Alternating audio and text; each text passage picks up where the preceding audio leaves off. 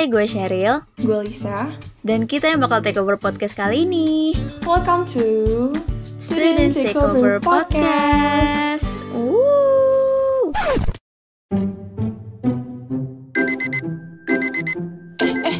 Alarm lo bunyi tuh. Alarm. Oh iya, udah hari Sabtu. Hah? Emang kenapa kalau hari Sabtu?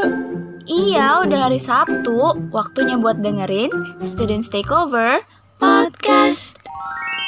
Hai hai hai teman-teman, apa kabar nih? Semoga semua lagi dengerin podcast kita hari ini dalam keadaan baik dan bahagia ya. Betul banget Lisa. Oh iya, by the way nih teman-teman, gue sama Lisa lagi seneng banget weh, seneng itu.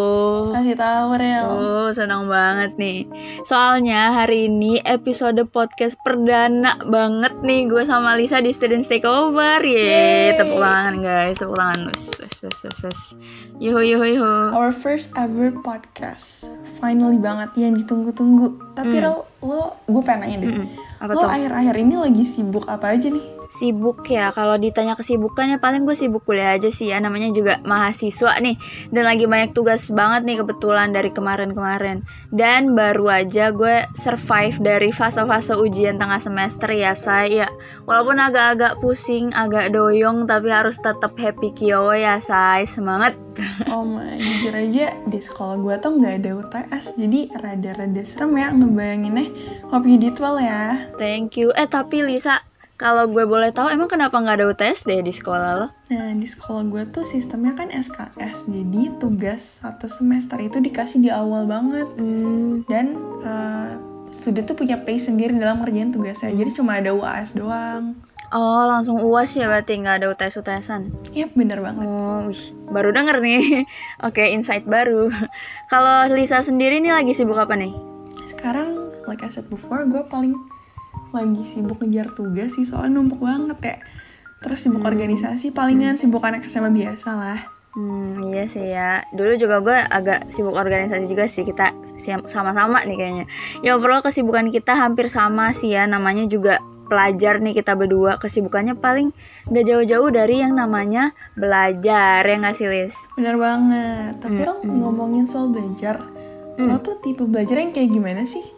Pernah nyadar gak sih kalau tiap orang punya tipe belajar yang beda-beda?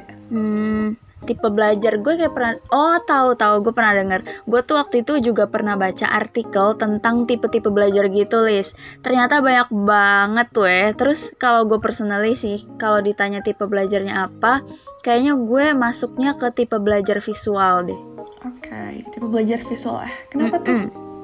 Kenapa visual? Karena gue tuh dari dulu kan emang anaknya suka gambar-gambar gitu kan. Kayak yang bau-bau seni tuh gue suka banget. Kayak tiap ada catatan kalau misalkan lagi belajar pasti gue bakal punya buku yang isinya tuh catatan gue gambar-gambar pakai spidol warna-warni atau gue bikin tabel-tabel gitu jadi kayak lebih enak gitu untuk dibaca ulang. Wah, that's cool. Hmm. Gue sempat baca juga sih, according to research, visual learning style emang salah satu yang paling populer dan efektif kan. Mhm. No wonder it's your preference. Ya, nah kalau misalkan Lisa nih apa nih tipe belajarnya? Kalau gue pribadi, tipenya tipe tactile atau kinesthetic serial. Gue prefer untuk pelajarin suatu topik or lesson lewat learning by doing. Langsung berpartisipasi di pembelajarannya. Secara biar bisa lebih paham and get into the topic discuss gitu. Oke, eh tapi gue juga gitu sih kadang-kadang kayak gue tuh orangnya kan agak susah menerima informasi ya, membutuhkan waktu yang agak lama, agak lemot gitu. Kalau misalkan kata-katanya lemot. Jadi kalau misalkan belajar cuman teori aja tuh susah gitu loh pahamnya dan lebih cepet paham kalau misalkan gue langsung praktik atau eh, adain produksi gitu. That's why dulu gue tuh masuk SMK nih, Lis, bukan SMA. Hmm, I see. Hmm, Oke, back to the topic nih Alis ya. Jadi kita hari ini sebenarnya mau bahas apaan sih, Lis? Jadi Rel, main topik kita kali ini yang kita bahas bakal tentang tipe-tipe belajar. Dan Yaps. dari yang kita tahu, there are three main types of learning style dan hari ini kita bakal bahas ketiga-tiganya. Yaps, that's right. Ada tiga tipe belajar yang bakal kita bahas hari ini, teman-teman. Tapi dari yang udah gue baca-baca nih ya, learning style itu sebenarnya banyak banget, nggak cuman tiga nih. Ada analitik, ada writing, ada reading, ada global. Pokoknya kalau misalkan kalian cari-cari di internet artikelnya tuh banyak banget. Kalau misalkan kalian kepo-kepo nih ya, macam-macam pokoknya. Nah, tapi hari ini kita itu mau bahas tiga tipe belajar yang emang utamanya ya Lis ya, yang paling banyak orang tahu gitu. Bener banget. Nah, yang pertama ada tipe belajar visual, kayak Cheryl tadi. Yes. Jadi kalau tipe belajar visual itu, dia bakal lebih paham dan cepat masuk pembelajaran di otak kalau melalui media visual, entah kayak gambar atau video gitu. Dan suka nge-highlight poin-poin penting di buku gitu. Pokoknya kalau nyatet pasti warna-warni deh, ada tabel dan lain-lainnya. Gitu teman-teman. Iya gitu. Ya bener sih bener kata Lisa. Kayak gue tuh dari dulu pas sekolah pasti wajib kudu mesti punya binder. Yang isinya tuh pasti catatan-catatan gue yang penuh dengan warna-warni tinta spidol ya. Masih gue simpen sih sampai sekarang jujur binder-binder yang isi catatan-catatan gue waktu masih sekolah.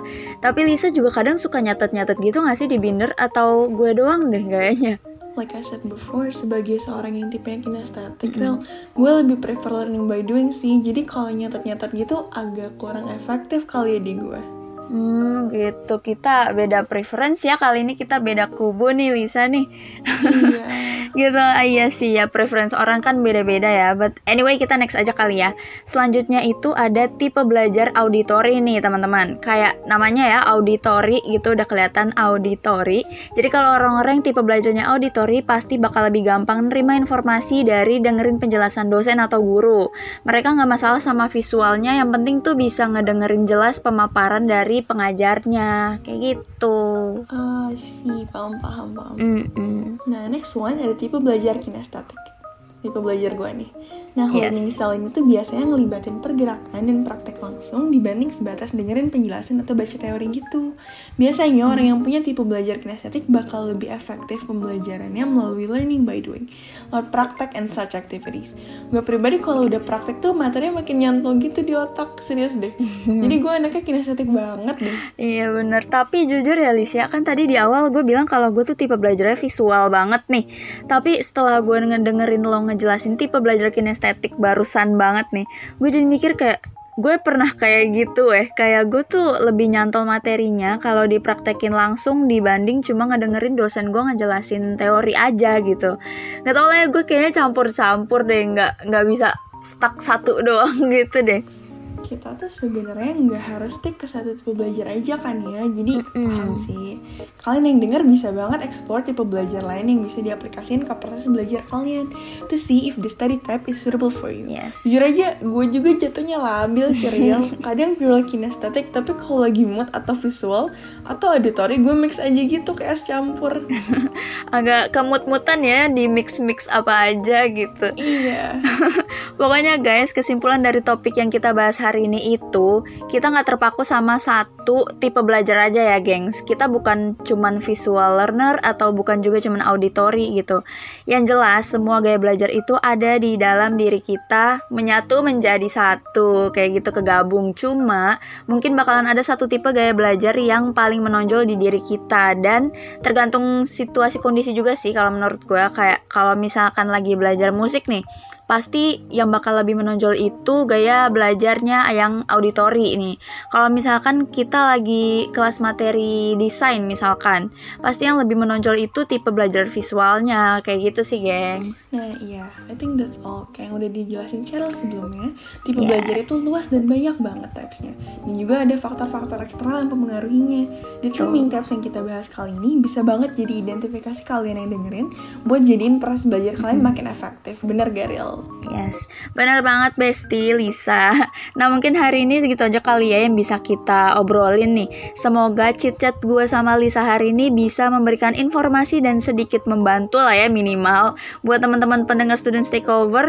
Semoga yang tadi kita bicarakan bisa eh, dipikir-pikir lagi nih kita eh, bisa mikir oh tipe belajar gue ini, tipe belajar gue ini. Siapa tahu bisa jadi patokan ya biar belajarnya tuh makin semangat gitu. Nah oke, eh, daripada gue ngomong lebih panjang lagi, mungkin keburu bosen juga ya yang dengerin ya dengerin suara kita, Lisa. Nah, mending kita closing aja kali ya, Lisa. ya. Oke dan thank you banget buat teman-teman yang udah dengerin sampai akhir. We really appreciate you guys. Oke, thank you teman-teman student takeover yang udah dengerin sampai abis sampai kita selesai ngomong nih, selesai kita ngangong-ngangong gitu. Ya pokoknya see you on the next episode teman-teman. See you in the next episode semuanya. Bye.